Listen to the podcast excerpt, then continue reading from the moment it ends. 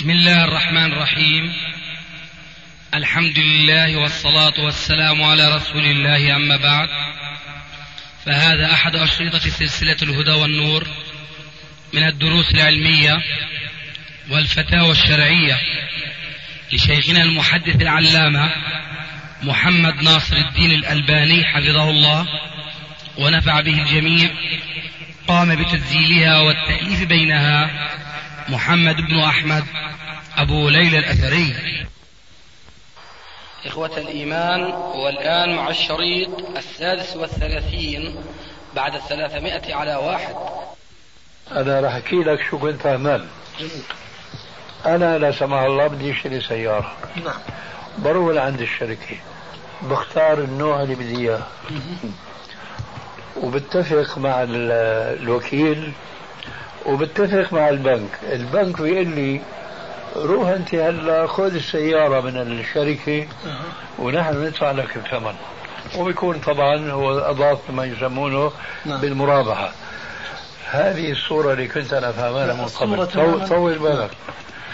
فالآن نحن نسأل صاحب المعرفة. فهل ما ذكره الأخ واقع؟ أكيد. وقع العقود والكمبيالات وبعدين بروح بجيب فاتورة عرض من الجهة اللي بده يشتري منها المسجل هذا. بده يشتري المسجل هذا من, الش... من الشركة الثانية بجيب فاتورة عرض من المسجل باسم البنك الإسلامي. آه. بوافق البنك على شراء لما يوقع العقود والكمبيالات بروح موظف من البنك بيستلم الجهاز وبيسلمه للآمر بالشراء. شوف هذه العملية. وافق البنك على الشراء. هي بس رحمك الله. البنك الآن نذهب إلى الإدارة سوا نقول للإدارة نريد أن نشتري سيارة. نقول وجدت السيارة. نقول له وجدنا السيارة. نعم. البنك يمسكني بوقعني على العقد والكمبيالات قبل أن يخرج معي. يلزمني البنك بالشراء. هذا بس ممارسات خاطئة بالموظفين أنا, يعني أنا بحكي لك أنا الواقع أنا من مؤسسي البنك. صار لي 11 سنه فيه طبعا. أنا بدك الواقع العملي إنه المفروض يعاين يطلع الموظف يعاين السيارة. ويأخذ كتاب عرض من صاحبها. جميل. بالثمن والسعر ونوعها. أنا أتوقع على الكمبيالات اولا. أتوقع على الكمبيالات اولا معاملة البنك الإسلامي تماما. بيوقع على الكمبيالات اولا بعد ذلك يشتريها البنك. بيسجلها باسم البنك بعد ذلك. بعد ما يسجلها باسم البنك بيسجل لك إياها باسمك. مزبوط ابتداء اولا بكون مسجلها باسمك بكون موقعك عليها البنك. بكون تم الاتفاق مع صاحب السيارة الأصلي رحمك الله. وتم العرض والقبول من قبل البنك. إحنا اللي كمان يا أستاذي أنت الآن أريد أن أشتري سياره من الشيخ. نعم. انت إيش تفعل في أول معاملة؟ توقعني على لا اول أول شيء أنا باخذ كتاب عرض من الشيخ. دعنا من هذه. ما يتخالف. هذه ما تقدم ولا تؤخر في العقد. الان طيب رحمك الله. الآن اصلك بجيب لك كتاب العرض هذا. إيش تفعل أنت؟ ما بعد المفروض اعاين السيارة. كيف التعليمات عاين وساويتها إيش بتوقعني على صار السيارة امتلاكك؟ طبعا اتفقت أنا وياه يا شيخ رحمك الله. اتفقت أنا وياه على الشراء. هو طاول بالك هل قبل كل شيء البنك بيتفق مع الشاري إنه باعوا السيارة؟ نعم.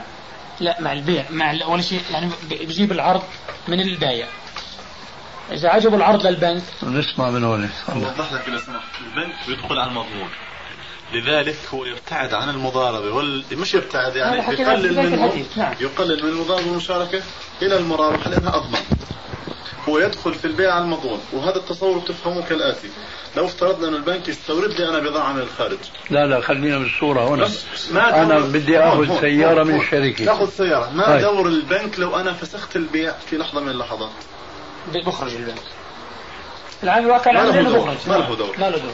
لأن أنا بتورط مع الشركة. لو أي بضاعة حتى لو استوردت أو اشتريت من هنا حصل شيء المتورط هو بس هذا مو مشتغلنا مع الشيخ الآن ما وصلنا للشيء. الآن أنا أذهب إلى قسم التسهيلات المصرفية في البنك الإسلامي. أقول له أريد أن أشتري سيارة. يقول لي أعطيني كتاب عرض. آتي بعرض لهذا البنك. البنك الإسلامي حين اتي البنك بقول لي ائتيني بكفيل ائتيني بكفيل. فآتي بالكفيل فيوقعني على الكمبيالات مع كفيلي. بعد ذلك البنك الإسلامي بيسجلها باسمه. بعدما يسجلها باسمه بنزلها باسمي يا أخي. هاي الصورة الموجودة. هذا كلام صحيح. هذا يعني الموجود. البنك يضمن البائع الأخير المشتري الأخير قبل أن يدخل في العملية يلزمني. يلزمه نعم يلزمه بكل شيء ثم يدخل في في المعاملة والبنك يبيع شيء ما يملكه. طيب. ويبيع. هذا أثبته أنا الآن عفوا. أثبت أنه ما يبيع. السيارة يعاين. لكن لو اشترى من عندي حاجة واضحة مثلا آه، علبه زيت علبه أي شغلة يعني هذه حاجة معروفة. هيذهب الرجل اللي يعاين؟ لا فاتورة العرض يكتفي بالفاتورة. نعم. أو يكتفي بالعرض اللي أنت بتجيبه فاتورة العرض فقط. نعم. مش كل شيء يذهب يعاينه. لا. في بضاعة معروفة ما يذهب ليعاينها آه. فإذا صح أنه هنا في بيع لشيء لا يملكه. لا يملكه. نعم هذا صحيح. صح ولا نعم. ولا تبع ما ليس عندك. طيب. طول بالك شوي. شو شو جواب البنك عن البيع المحلي ما في تلف للبضاعة لأنه فورا بيستلم وبيسلم. أما في البيع الاستيراد من الخارج تتلف البضاعة وبتحملها البنك. هلا خلينا الصورة شو جواب البنك؟ ما دام هلا أنت يعني آه، صرحت بأنه هذا بيع ما لا يملكه البنك. يملكه الواقع العملي إحنا ما نملكه معليش شو جواب البنك؟ عم يقول هذه معاملة إسلامية. شو جوابه؟ وهو يعلم أن الرسول قال لا تبع ما ليس عندك. بالنسبة للبيع المرابحة الأمر بالشراء على ترك لي ترك لي الألفاظ. الألفاظ يعني بيعتمدوا بكل بيع. يا أخي هلا بعد المناقشة كلها. يعني صار في إجماع اتفاق أنه البنك بيبيع شيء لا يملكه. شو جواب البنك لتسليك المعاملة وادخالها في بيوع الشرعية. شو جوابه؟ ما بدخلوا بنقاشات المفروض البيع والاستلام ما تعرضوا لهذا. أنا لم يتعرضوا لهذه النقطة ولم يذكروا هذا الحديث وما سمعوا الحديث. لا سمعوا. قد يكونوا ما سمعوا. لا مش في سمعوا في لجنة فتاوى مش معقول. هل يقول الأخ سمعون هو في لجنة فتاوى من سبع شهور يا قرأت القانون. وكيف ما بيعرفوه؟ سمعوا كيف ما سمعوا يعني. لا مش معقول مش أنا بقول مش معقول ما سمعوه لكن بيكون داروا عليه ولفوا. أيوه. فنحن بدنا نسمع شو هو لأنه أكيد في هناك شيء من التأويل. نحن هذا التأويل شو هو؟ ما بتطرقوا للموضوع هذا التأويل أغفلوا النقطة. أغفلوا النقطة. أغفلوها ما بتطرقوا للموضوع. هذا نهائي يعني بيستندوا بكل بيوعهم على موضوع. هذا بعض البنوك في الكويت خلصوا من المشكلة هي خلصوا منها. جابوا سيارات. آه. مش يعني بيستوردوا مرة مرتين والسنين اللي استوردوا فيها خسروا وما وزعوش أرباح خلينا أنا أنا في الصورة لا هذا بحث ثاني خسروا ربحوا. ما له علاقة هذا ما بطلوا يستوردوا المقصود في الكلام إنه بطلوا يستوردوا تبرأوا من بعضكم إحنا ما يهمنا. لكن إحنا الذي نقول إنه هذه يلا أبو ليلى. ما ليس عندك. سبحانك اللهم وبحمدك.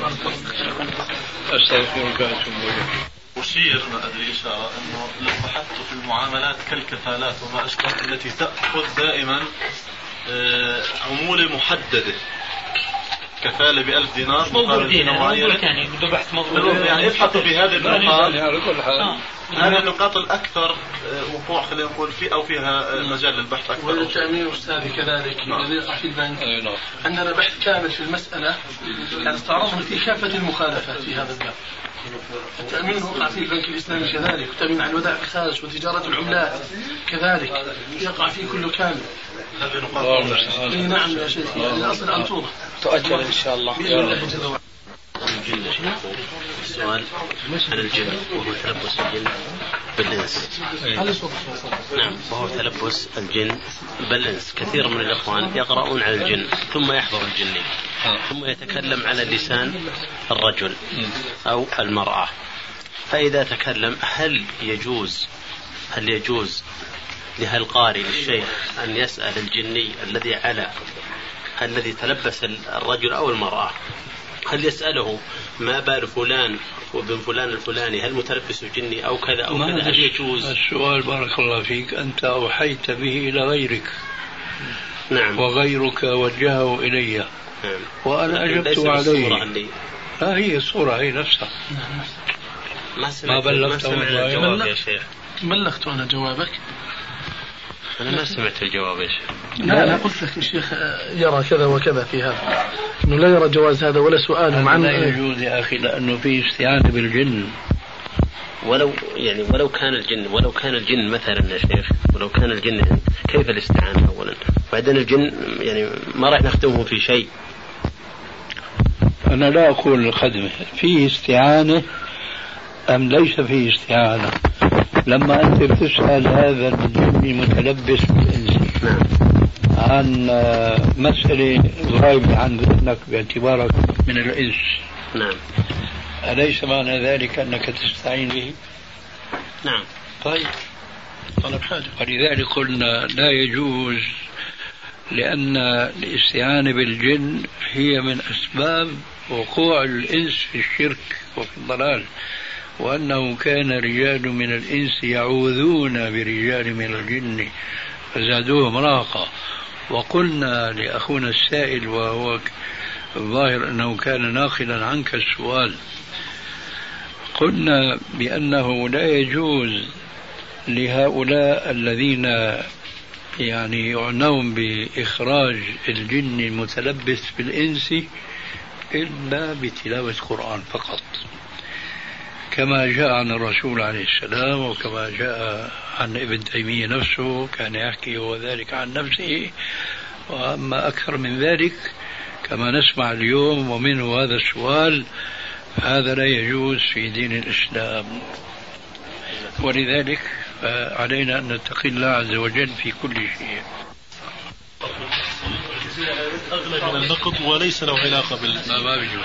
يعني مثلا نفرض نقدا ب 100 100 دينار ما بيجوز. وآخر يبيعها فقط تقسيط ب 105 فقط تقسيط ما له علاقة بأي بيع آخر. وليس له علاقة بأجل أو غير أجل كبائع. يعني هذا نقد يبيع ب 100 وهذا نقد يبيع ب 110 وهذا نقد يبيع ب 115 هو يبيع تقسيط ب 110 فقط وليس له علاقة بأي بيع آخر. فهمت عليك يا أستاذ بقي عليك أن تفهم علي. نعم. لا يجوز لأن العلة هو استغلال حاجة المحتاج وزيادة عليه في الإيش؟ في السعر. وأنا قلت في أكثر من مرة هناك تاجر في الكويت بالذات. لما سمع حديث من باع بيعة في بيعة فله كسم ربا كان يبيع السيارات عنده بسعرين سعر النقد مثلا بخمسة آلاف وبالتقسيط ستة آلاف. قام صار يبيع بالتقسيط دائما إيش؟ بالستة آلاف. نعم. لهذا كان يظلم نصف الزبائن صار الآن يظلم الكل. هذا أظلم من الأول. فنحن إذا راعينا النقطة في في تحريم الشارع الحكيم للربا نعرف أن القضية مو قضية توحيد السعر للبيعتين النقد والتقسيط. نعم. لا. وإنما العلة هو زيادة مقابل التقسيط على سعر النقد نعم أي نعم نريد أن حتى هنا هنا. هنا. هنا. هنا. هناك عند حلي ما يبقى أصلا ما فأنت أصلك من هنا. لا أصلي من الكويت. أصلك من الكويت. نعم. متزوج من هنا. متزوج من هنا. طيب. أيوه. وبضر الشهر هنا. طيب شهر. هنا. مو سألتني أيضا السؤال بالهاتف. متى؟ لا ما اتصل عبد الله يجيك يحب يجيك بس يقول لي اخفف عنك لا ما سأل ما سألت ما سألت ما سألت في ورد وجاءني مثل هذا السؤال. من من يومين ثلاثة لا لا مو أنا. مو أنت. لا لا مو أنا. طيب. لما بتيجي هنا أيوة. إذا أجمعت الإقامة فأنت مقيم وإذا لم تجمع الإقامة فأنت مسافر. معنى إجماع الإقامة هو قال وبضدها تتبين الأشياء اللي ما أجمع الإقامة. هو اللي بيقول بكرة بسافر. أيوة. لا بعد بكرة. وهكذا. أيوة. مش مستقر. مو مستقر نعم. نعم. فإذا استقر هذا هو معنى أجمع الإقامة ودخل في حكم المقيم أما إذا بقي مترددا أيوة. اليوم بيسافر بكرة بيسافر أيوة. لا ما تيسر له السفر بكرة. إيه بعد بكرة وهكذا. هذا بيكون لا يزال في حكم المسافر. حكم المسافر. إذا أنهى التردد بشهر نعم. بتوقيت إذا مهما كان ولو شهور. هذا طيب. نعم. واضح؟ الحين مثل شهر أنا. أنا أقصد ولا أقيم أنا؟ استقمت إني شهر بستقيم شهر. يا أخي في تردد في الإقامة ولا عزمت على الإقامة لا؟ عزمت عزمت. إيه خلاص أنت مقيم. مقيم خلاص. إيه نعم. جزاك الله خير. وإياك. أنت بدك تصرف الناس وبتجمعهم. بخاف يا شيخ. بخاف يا شيخ ما يفوتني شيء حريص أبو أحمد جاءت لي امرأة.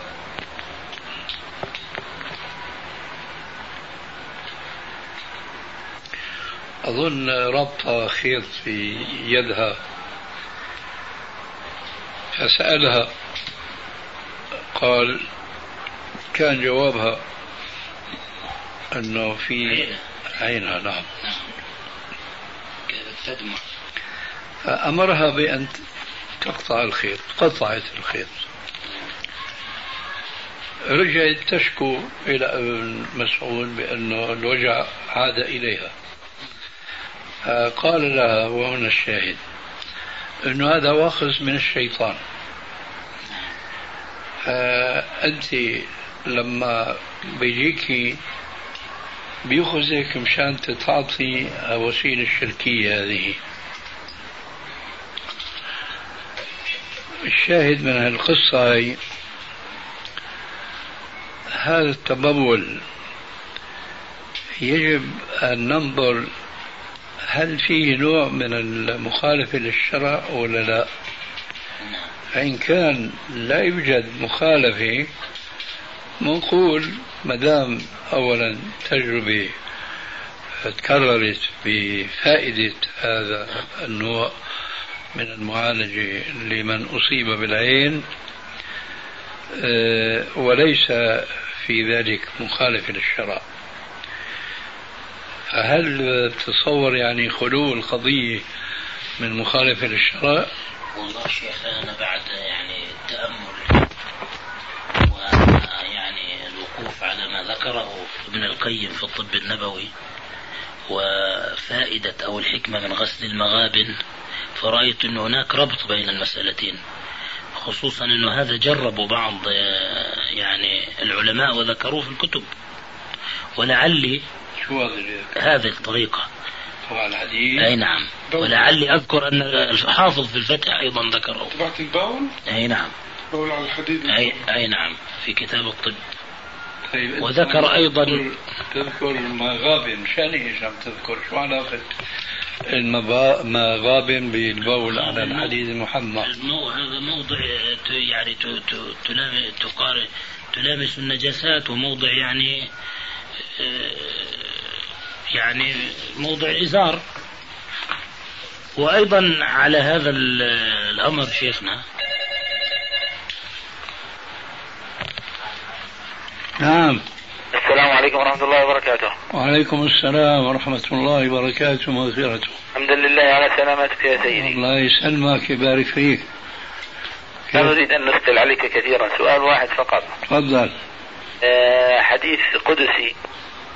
يقول الله تعالى عبدي تريد وأنا أريد. إن لم تني ما أريد فيتك ما تريد. الله أكبر. وإن لم تسلمني ما أريد أتعبتك فيما تريد ولا أكون لك إلا ما أريد. حديث صوفي. حديث صوفي. اي نعم والله أنا شممت رائحته هكذا بس قلنا هل نتأكد إيه شمك صحيح. جزاك الله خير. وإياك الله الصحة تمام. تمام ما في لكن الحمد لله. الحمد لله على أحسن من قبل. الحمد لله. أسأل الله أن يشفيك تنكأ عدوا وتمشي إلى صلاة. جزاك الله خير وتقبل منك. عليكم. وعليكم السلام ورحمة الله وبركاته. حدثني ثقة شيخنا. يحدث. لا أثق به. لا أثق به وإن شاء الله أنه ثقة أحسبه. من, من الإنس. بأنه بأن كان طفلة صغيرة أصيبت بالعين. فعجزوا في علاجها. فجاءت عجوز ومدت يدها على فرجها وأخذت من رطوبته ودانت عليه فكأنما نشط من عقال إيه أشياء بالتجربة بالتجربة العملية ثبتت أنها نافعة للعين. لأن إيه. العين تكيف النفس بكيفية خبيثة. هذا أخي اللي أردت أنا ألفت نظرك أنه التجربة نجاح التجربة لا يعني جوازها شرعا. على هي صورة واضحة. أنها لا تجوز شرعا. يعني أليست رطوبات فرج المرأة طاهرة شيخنا؟ ما بحكي عن هذه القضية. لا هذه ولا تلك؟ لا هي لا لا, آه. لا, لا هي نفسها. مد ايدها لفرجها هي الحركة هذه ما هي مشروعة. آه صح. إيه؟ آه نحن فاسألوا واسألوا أهل الذكر فاسألوا أهل الذكر إن كنتم لا تعلمون فنحن شيخنا نعرض عليكم حتى يعني إيه، تبين لنا القدر الشرعي اللي ممكن نتعامل به مع الناس يعني طيب المصاب بالعين لما بيبول بينه وبين جدران أربعة ولا شلون؟ يعني في منطقة محصورة حتى إيه، هذا البخار يرتد عليه أو أو أو يطفئ هذا الحديد المحمى. مو أمام أحد الشيخ. لا مو أمام أحد لا. مو شيخي لا لا مو أمام أحد. ما تكشف. معقول بين جدران أربعة بين جدران أربعة نعم إيه. بحيث ما تقع مخالفة إيه. بين جدران أربعة وإذا شئتم شيخنا هذا موجود سأبحث عنه في الفتح وآتيكم به. أي لا بأس. نعم. وأيضا شيخنا ذكر الحافظ وغيره أن الجمع أعشاب من البر أزهار في فصل الربيع أيضا هذا نافع للعين الاغتسال به جمع وغليه ثم الاغتسال به. قلت شيخي تحت حديث الرسول عليه الصلاة والسلام. لكل داء دواء عرفه من عرفه وجهله من جهله. نعم. إذا كان ما في مخالفة الشرعية زي ما تفضلت وقول النبي عليه الصلاة والسلام اعرضوا علي رقاكم ما لم تكن شركا. ألا يدل شيخنا على أن الأمر فيه سعة ما لم يكن هناك شرك. لأن العلماء منعوا الرقية إذا كانت بكلام غير مفهوم أو بما يخالف الشريعة. لأن كل يوم شيخنا نكتشف طريقة في العلاج. ليس في الرقى. آه. بحثك ليس في الرقى. انتقلت. آه آه. لكن في العلاج. إيه؟ يعني ابن القيم رحمه الله يقول في الطب كانت تعتريني أمراض يعجز عنها الطبيب الشافي فكنت آخذ كفا من ماء زمزم وأقرأ عليه آيات وأنفث وأشرب وأمسح فأبرأ برءا تاما. هكذا يقول في طعام وطعم وشفاء آه. لأني سمعت شيخنا يمنع النفث في الماء وعلى هذا القضية أنا جربت النفث في الماء فوجدت من أنفع العلاج. مسحورين مربوطين على زوج جاءني رجل تزوج الثانية. مربوط خربان مرة. فقرأت عليه ونفثت عليه ونفثت له على ماء قرأت على ماء واغتسل به صار حصان. لما اتصلت به قلت إيش الأخبار؟ قال حصان. في أي وقت تتحدث معه؟ لا. إلا يعني ما على صفه تشكل؟ لا. دكتور عادل كأنه مرة قال إنه رأى. أنا مرة يتشكلون. يتشكلون. أنت مره يراهم كالقدميه كالبقر. أما أنا ما لأن الإنسان ما يتحمل أن يرى. واحد رأى جنية تشكلت له من فوق امرأة جميلة. ومن تحت رجلين خروف. فأغمي عليه وراح إلى المستشفى وبقي يخرج صوت مثل البقرة. وهذا الشاب أعرفه اسمه عادل. أي نعم. وما عرف له الأطباء حتى جاء أخ ما شاء الله هناك أيضا يقرأ وقرأ عليه فبرئ الحمد لله. ما شاء الله. نعم. ذكر لي واحد أبو أنس إنه كان يشتغل شغل مثل هيك. قال في يوم جلست على المائدة الطعام. وقال للي جالس على المائدة جات رز. لا تذكر اسم الله. ما ذكر التسمية. قال وجدت الأحجام مثل عودان الكبريت. أحجام يعني هائلة أعداد أعداد أعداد ما شاء الله لا قوة إلا بالله. كل واحد طوله طول عود الكبريت وعم بيعمل في, الرز بنقر في الرز في الرز نقر. فلم آه يحبون الرز. فقال لما قال بسم الله فلما قال بسم الله ما في ولا عود كبريت. ولا واحد من ابن كثير ذكر ذلك شيخنا في التفسير. عن أحد التابعين أنه آه، رأى الرز كان يأكل في قصعة فرأى حبات الرز تطير. فسمى الله وقال من معنا؟ فتكلم الجني وجرى بينه وبينه حوار إلى أن قال له ما هل فيكم هذه الفرق قال نعم. قال ما تعدون الرافضة فيكم؟ قال شرارنا. ذكر ابن الجوزي. ومن القصص العجيبة أيضا شيخنا.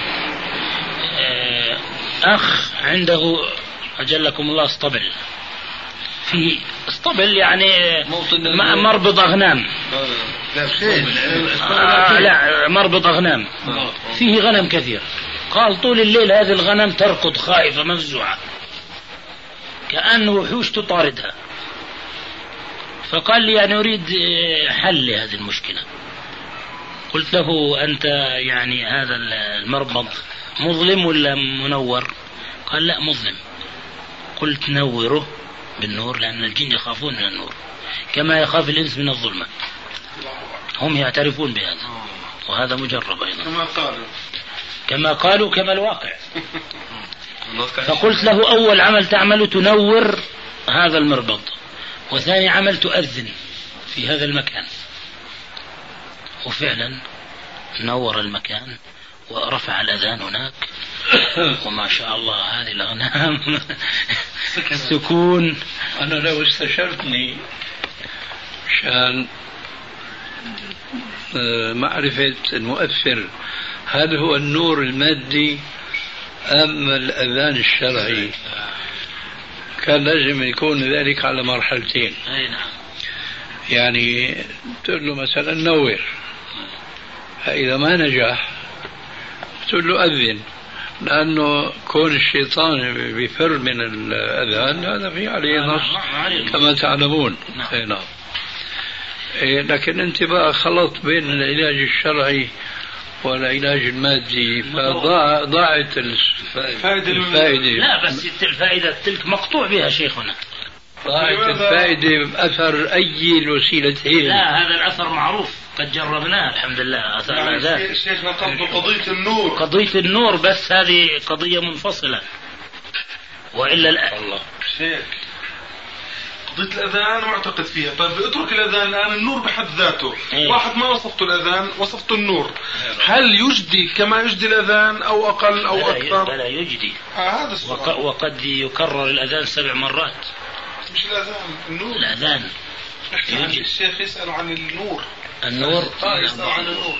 لو جاك واحد مثلا ثاني مرة استقلال لا تعطي النور. آه استقلال استقلالا. يبدأ بالأذان ما يبدأ بالنور. يبدأ بالنور. يبدأ بالنور.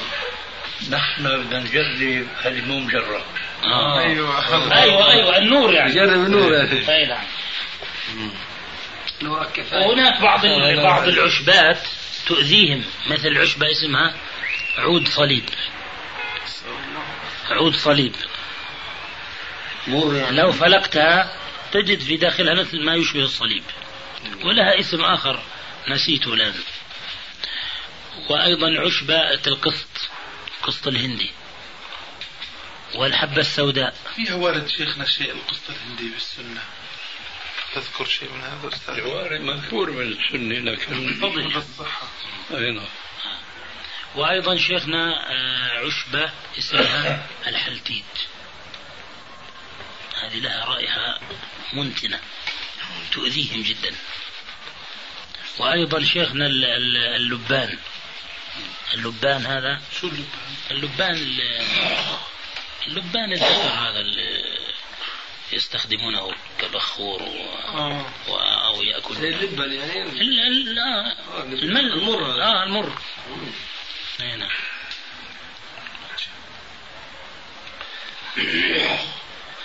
وعلى كل شيخنا فحكايات كثيرة يعني. أنت لما تتعاطى هذه الأمور في البيت عندك لا ولا خارج البيت؟ كنت في المسجد.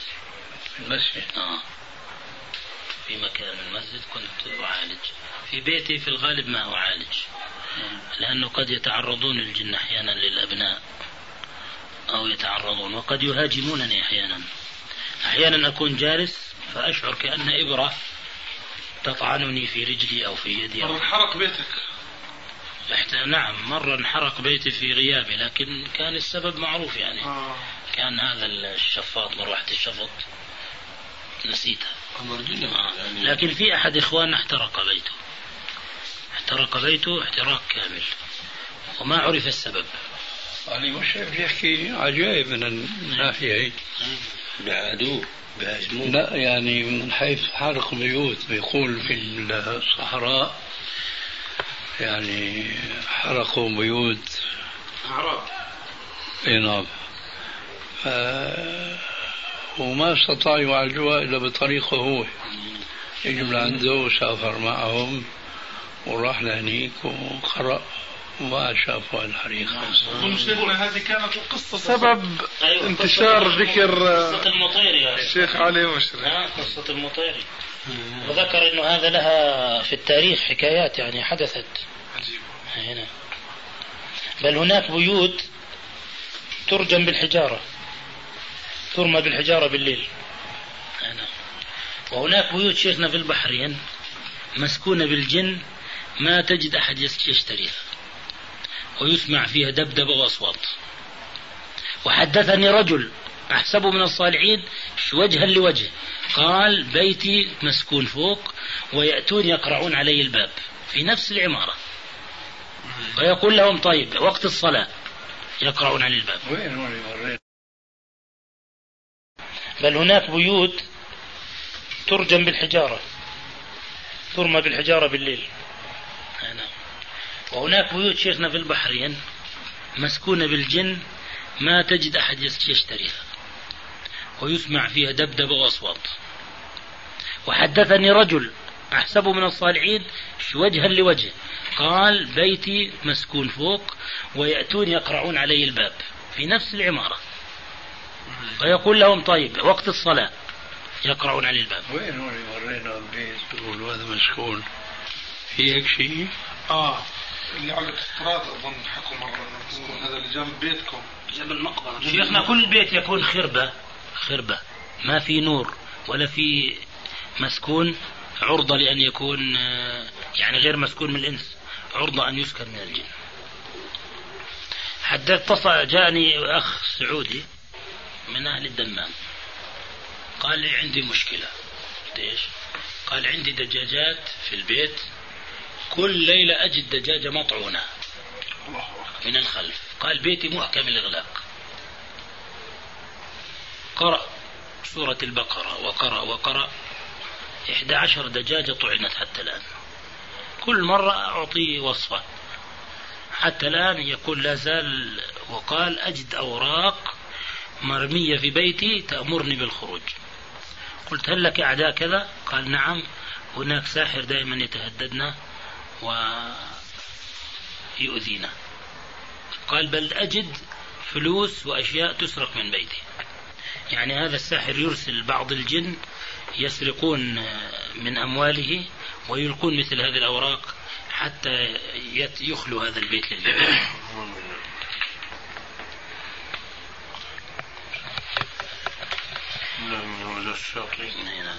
يلا في سؤال أخير بس شيخنا في واحد سألني اليوم على الهاتف أستاذي. بيقول إنسان عنده يعني زرع مثلا قمح. فأراد أن يبيع هذا القمح لكن ما حصده. يعني باعه مشان يحصدوا اللي اشتراه. فبقول آه، الآن صار عنده فلوس مال. فكيف الزكاة؟ وعلى من؟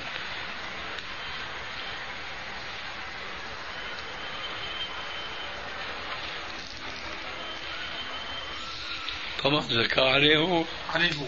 طبعا طيب وكيف؟ هو إنه عليه زكاة ولا لا؟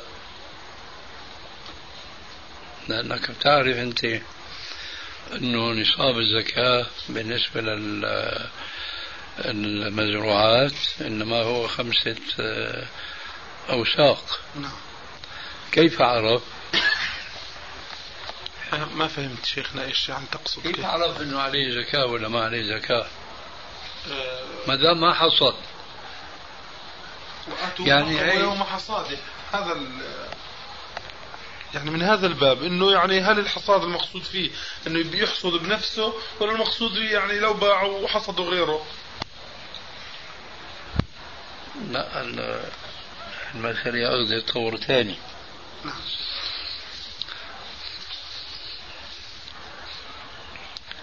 أنت تعرفي بالحديث في كل خمسة أوسق صدقة. نعم. خمسة أوسق يعني أحمال من الجمال. من الجمال. نعم. آه.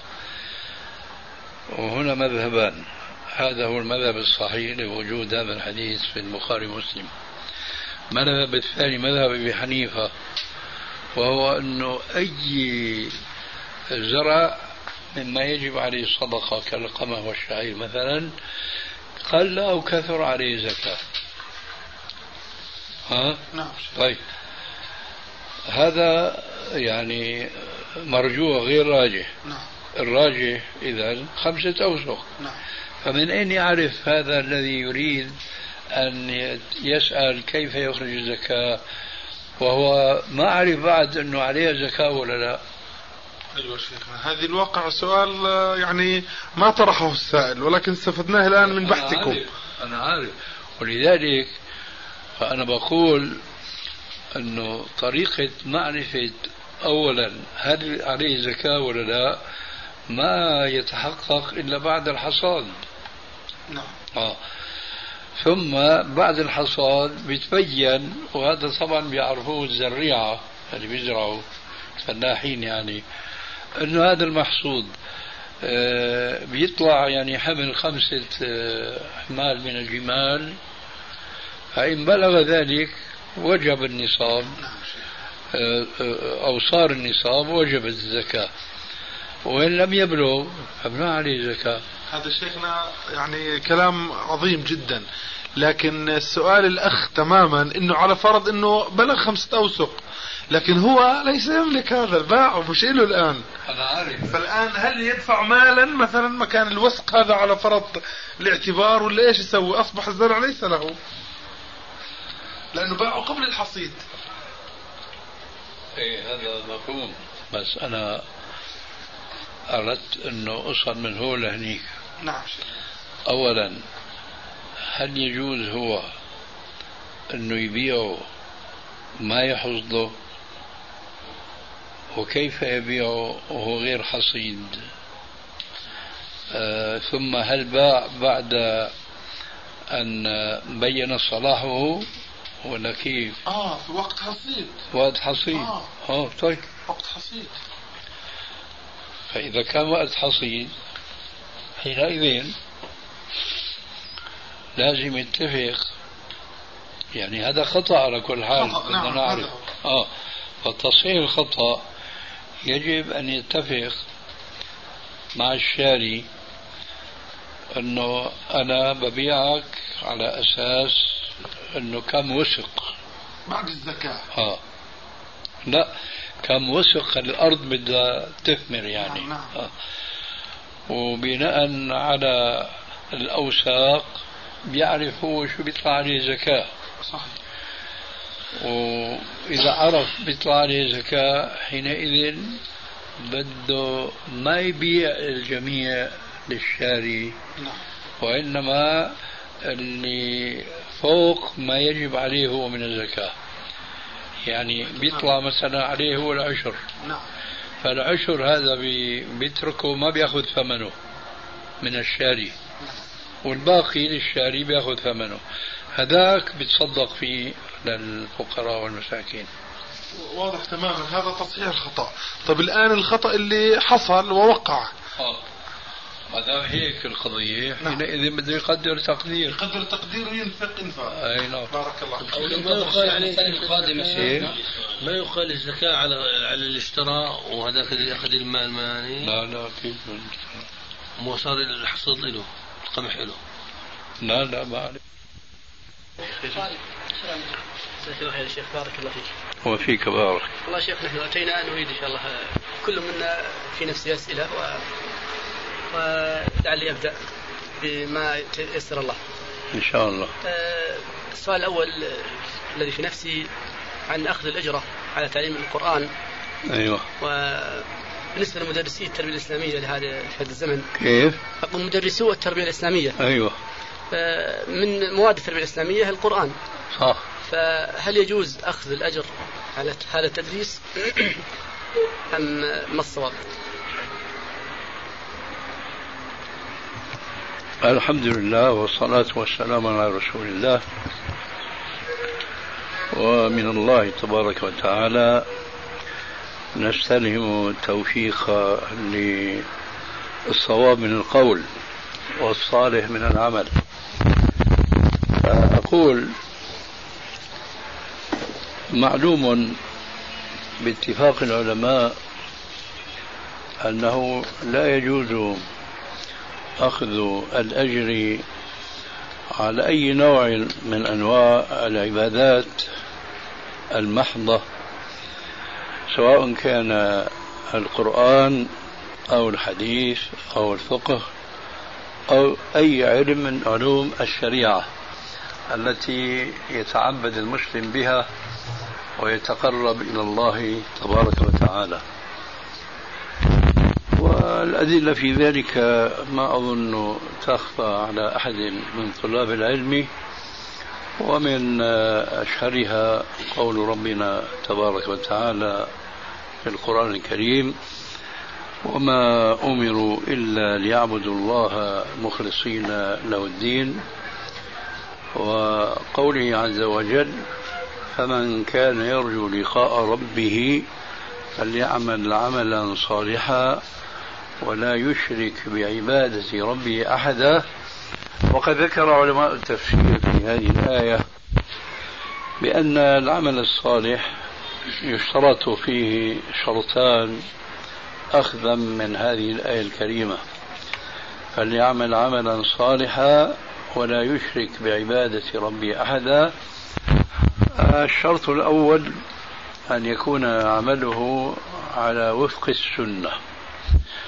فإذا كان مخالفا لها لم يكن مقبولا ولو كان صاحبه مخلصا في فيه لله عز وجل. ومن الأدلة على ذلك قوله عليه الصلاة والسلام من أحدث في أمرنا هذا ما ليس منه فهو رد. والشرط الثاني أن يكون وهذا هو بيت القصيد من هذا البحث أن يكون مخلصا في هذا العمل الذي وافق السنة. فالإخلاص شرط في كل عبادة حتى تكون مقبولة عند الله عز وجل. والشرط الآخر أن تكون هذه العبادة آه، موافقة للسنة وليست مخالفة لها. فإذا اختل أحد هذين الشرطين لم يكن العمل صالحا. إذا كان هذا أمرا معروفا فحينئذ يعرف أن الجواب عن ذاك السؤال أنه لا يجوز أخذ الأجرة مطلقا على أي عمل آه، يقوم به المسلم ما دام هذا العمل عبادة يتقرب بها المسلم إلى الله عز وجل أو بعبارة قد تكون أدق يفترض أن يكون يتقرب بهذا العمل إلى الله تبارك وتعالى. إذا كانت هذه القضية واضحة بينة في أذهان طلاب العلم عدنا إلى الجواب عن السؤال المطروح آنفا. باختصار لا يجوز أخذ الأجر على تعليم القرآن. ولكن هنا شيء لابد من لفت النظر إليه ألا وهو أن الأجر حينما يقال أجر فهو حق يطلبه صاحب العمل من المعمول له والمقدم إليه. فبهذا المعنى لا يجوز أن يؤخذ أجر على تلاوة القرآن وتعليمه وسائر الأعمال التعبدية كما ذكرنا آنفا. إذا كان هذا كذلك نقول أما إذا قدم مال ما من جهة ما سواء كانت هذه الجهة آه، حكومية أو من أي فرد من أفراد الأمة قدم هذا المال راتبا أو هبة أو جعالة ولم يأخذه المعلم سواء كان كما قلنا آنفا للقرآن أو للحديث أو نحو ذلك من العلوم إذا أخذ ذلك ليس بمعنى الأجر أي أنه قام بعمل يستحق عليه شرعا أجرا وإنما أخذه لأنه قدم إليه من من قدم هذا المال فأخذه لا أجرة وإنما هبة جعالة راتبا أو نحو ذلك من المعاني التي تخالف معنى الأجر مقابل الشيء. وفي اعتقادي أيضا أنه لا إشكال في هذا التفريق فيما إذا رجعنا إلى مثل قوله عليه الصلاة والسلام إنما الأعمال بالنيات وإنما لكل امرئ ما نوى إلى آخر الحديث المعروف. فالعمل الواحد يختلف حكمه باختلاف النية. فالنية لها علاقة آه، كبيرة جدا في تصحيح العمل أو في إفساده. ومن الأمثلة التي يذكرها بعض العلماء في شرح حديث النية أن رجلا ما يأتي شهوة وهي له حلال بل ويكون مأجورا عليها وآخر يأتي نفس الشهوة ويكون مأجورا تجاهها والعمل واحد وإنما اختلفت النتيجة باختلاف النية. فمن أوضح الأمثلة في ذلك هو النكاح والزنا. ففي كل من هذين الأمرين يأتي الشخص شهوته ولكن في النكاح يكون مأجورا وفي الزنا يكون مأجورا. والعمل هو هو. ويضربون على ذلك مثلا رجل آه، أتى خطأ غير زوجته وهو يظنها زوجته فلا وزر عليه في ذلك والعكس بالعكس تماما. في رجل آخر آه، جامع زوجته وهو يظنها غريبة عنه إنما أتاها لقضاء شهوته بالحرام وبعد أن فرغ منها تبين له أنها زوجته فهو آثم مع أنه جامع زوجته وقضى وطره منها. ذلك لأن الأول كانت نيته أن يأتي زوجته لكنه أخطأ في الواقع. فلم يصبه شيء من الوزر والعكس في المثال الثاني تماما. وتفصيل هاتين الصورتين ليس من الصعب لكل سامع أن يعرف حقيقة ذلك.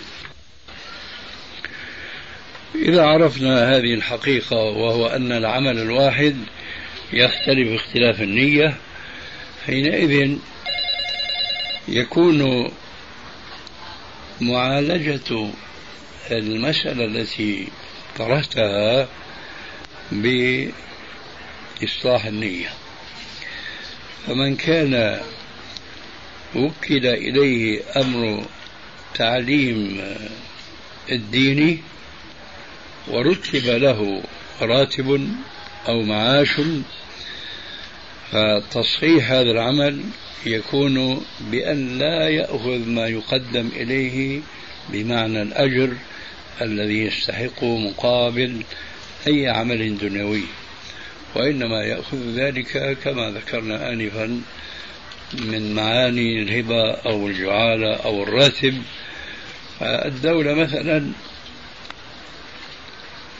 حينما تكون غنية وتكون متمسكة بالأحكام الشرعية وقائمة على تنفيذها لها أن تقدم لكل فرد من أفراد المسلمين راتبا يكفيه ويغنيه عن السعي والضرب في الأرض ليتفرغ لعبادة الله عز وجل. والقيام بما يجب عليه من تربية أهله وذويه ومن حوله. فهذا هو الجواب آه، العملي الذي ينبغي أن يكون عليه القائمون بتعليم المسلمين أي علم من العلوم الشرعية. هذا ما عندي جوابا عن ذاك السؤال. جزاك الله خيرا يا شيخ. وإياك. لكن هذه المعاني معنى الأجر والهبة وال... نعم. تختلط أحيانا في نفس الإنسان. فيقوى أحدها فترة والآخر فترة. يشعر أحيانا أنه يأخذ هذا أجرا وأحيانا يشعر أنه يأخذه لكي المسألة بارك الله فيك هي ليست بالشعور وإنما بتصليح ما في القلوب.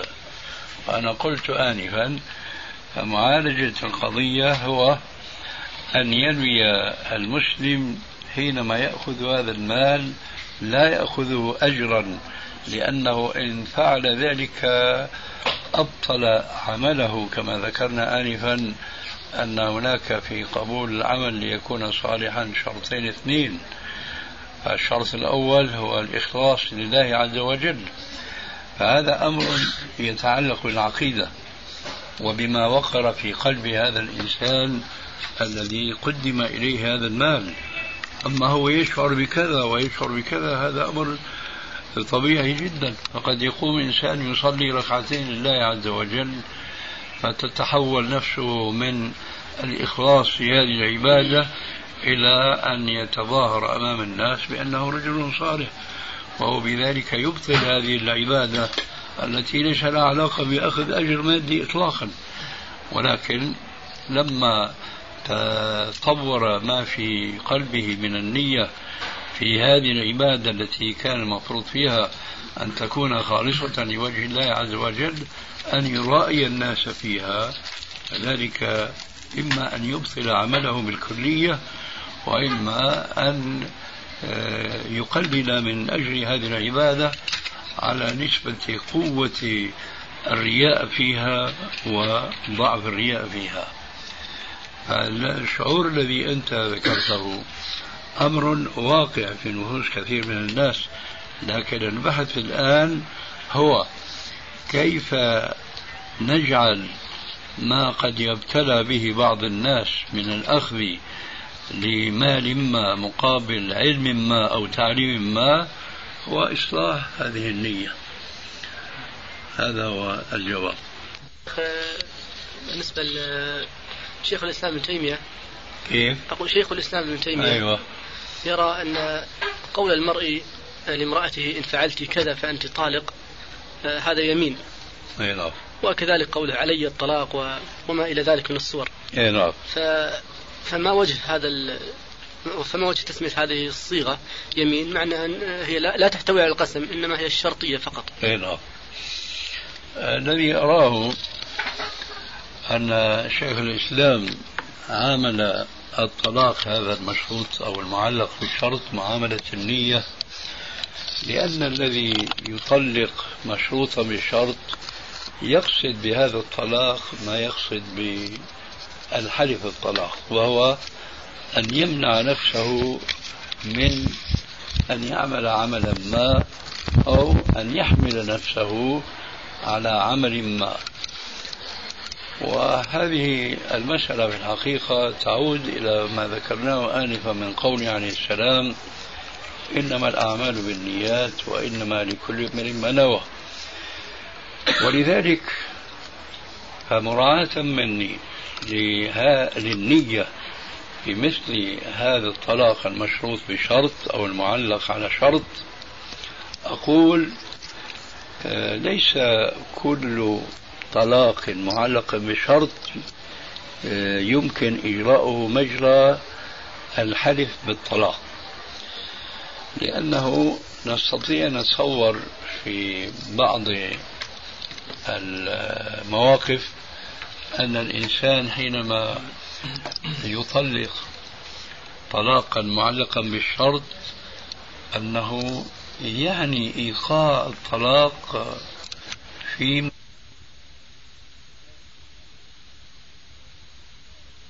كبير جدا بين من يقول لزوجته إن آه، جاء مثلا أو أدخلت إلى بيتك أخاك أو أباك أو أو أحد من أقاربك فأنت طالق.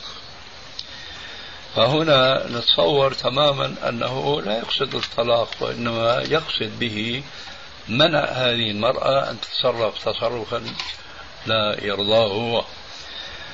فهذا طلاق كالحلف الطلاق لأن المقصود منه أن يمنع الزوجة أن تعمل عملا ما. والصور طبعا يمكن تعدادها وتصويرها بصور شتى. بهمنا الآن الصورة المعاكسة لهذه والتي يمكن أن نلحقها بالطلاق وليس بالحلف الطلاق. كرجل مثلا آه، رأى زوجته يوما ما لا سمح الله في موقف مشبوه غريب. فقال لها إن رأيتك مرة أخرى تتكلمين مع جارك أو مع فلان فأنت طالق.